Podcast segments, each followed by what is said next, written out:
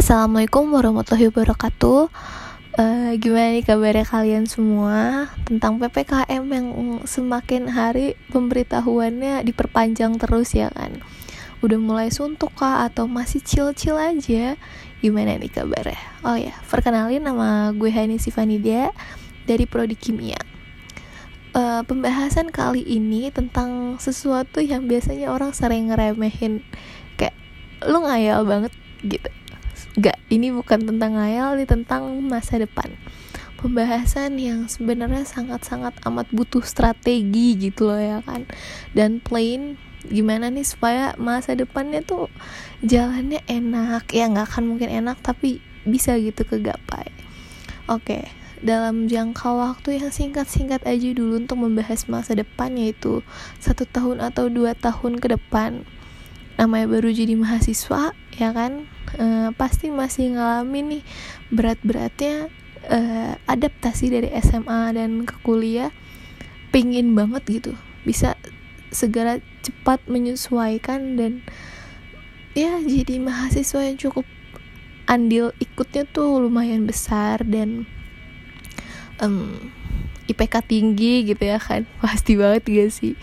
Dan ya uh, pengennya tuh untuk tetap stay jadi orang yang kreatif dan rajin gitu sih. Satu tahun dua tahun ke depan lumayan ringan eh, ringan-ringan aja dulu plainnya pengen IPK tinggi ya IPK yang samar-samar aja nggak maksudnya bukan samar-samar tuh. Maksudnya IPK yang stay aja eh, nggak uh, kurang gitu nggak kurang sih. Tapi lumayan lah lumayan membanggakan hati PK-nya bagus itu gitulah intinya untuk 4 sampai 5 tahun ke depan atau 3 sampai 4 tahun ke depan. Um, semoga banget nih lancar untuk jadi mahasiswa akhir. ya bisa dibilang nggak terlalu akan banyak stres, semoga nggak tahu juga. Tapi pengennya 3 sampai 4 tahun ke depan um, bisa tetap produktif dan jadi mahasiswa yang um, apa ya namanya produktif dan ada di jalan gitu. Jangan melenceng melenceng ke mana-mana gitu. Supaya uh, beberapa tugas akhir cepat kelar gitu sih. Dan untuk rencana 5 sampai 10 tahun ke depan ini udah jenjang-jenjang di mana udah mulai ngerasain kayaknya ya. Pengen dapat kerja yang bagus pengen dapat kerja yang layak gitu pengen dapat penghasilan yang sesuai dengan apa yang kita kerjain. Dan bisa bantu orang tua bisa bantu um, apa ya bahasanya tuh bantu saudara-saudara dan lebih banyak buat uh, dapat penghasilan supaya bisa bersedekah pun juga jadi lebih banyak. Itu sih itu lumayan terberat juga. Tapi semoga di lima tahun atau 10 tahun ke depan ini akan tetap sesuai dengan rancangannya gitu. Karena emang plannya itu yang yang ada di depan mata aja dulu gitu. Kerja pengennya tuh di bidang kesehatan atau industri gitu. Amin.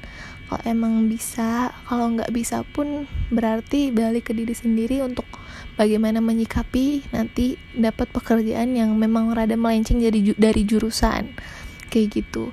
Dan hmm, apalagi ya untuk berat-beratnya uh, mendapatkan kerja nanti mungkin sebelum mendapatkan kerja itu pingin banget punya pengalaman yang kayak bisa menjadikan oh nggak akan kaget nih ketika nanti akan mengalami kerja gitu.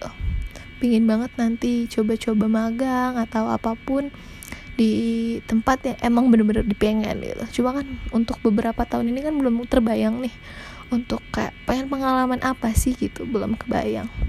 Gitu sih untuk dari satu tahun dua tahun ke depan pengen IPK tinggi IPK bagus uh, cepat juga penyesuaiannya gitu.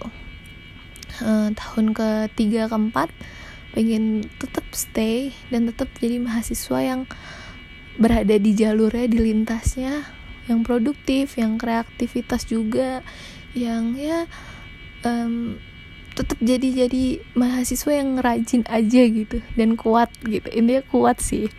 Dan lima tahun sampai 10 tahun ke depan uh, mulai menjalani bagian dari pengalaman hidup menjadi pengalaman hidup juga terus uh, mendapat pekerjaan terus banyak bantu orang dan pengen menjadi donatur untuk yatim piatu atau yayasan-yayasan gitu pengen banget serius deh. Itu sih. Kurang lebih uh, plain masa depan aku kayak gitu. Sekian podcastnya. Terima kasih. Wassalamualaikum warahmatullahi wabarakatuh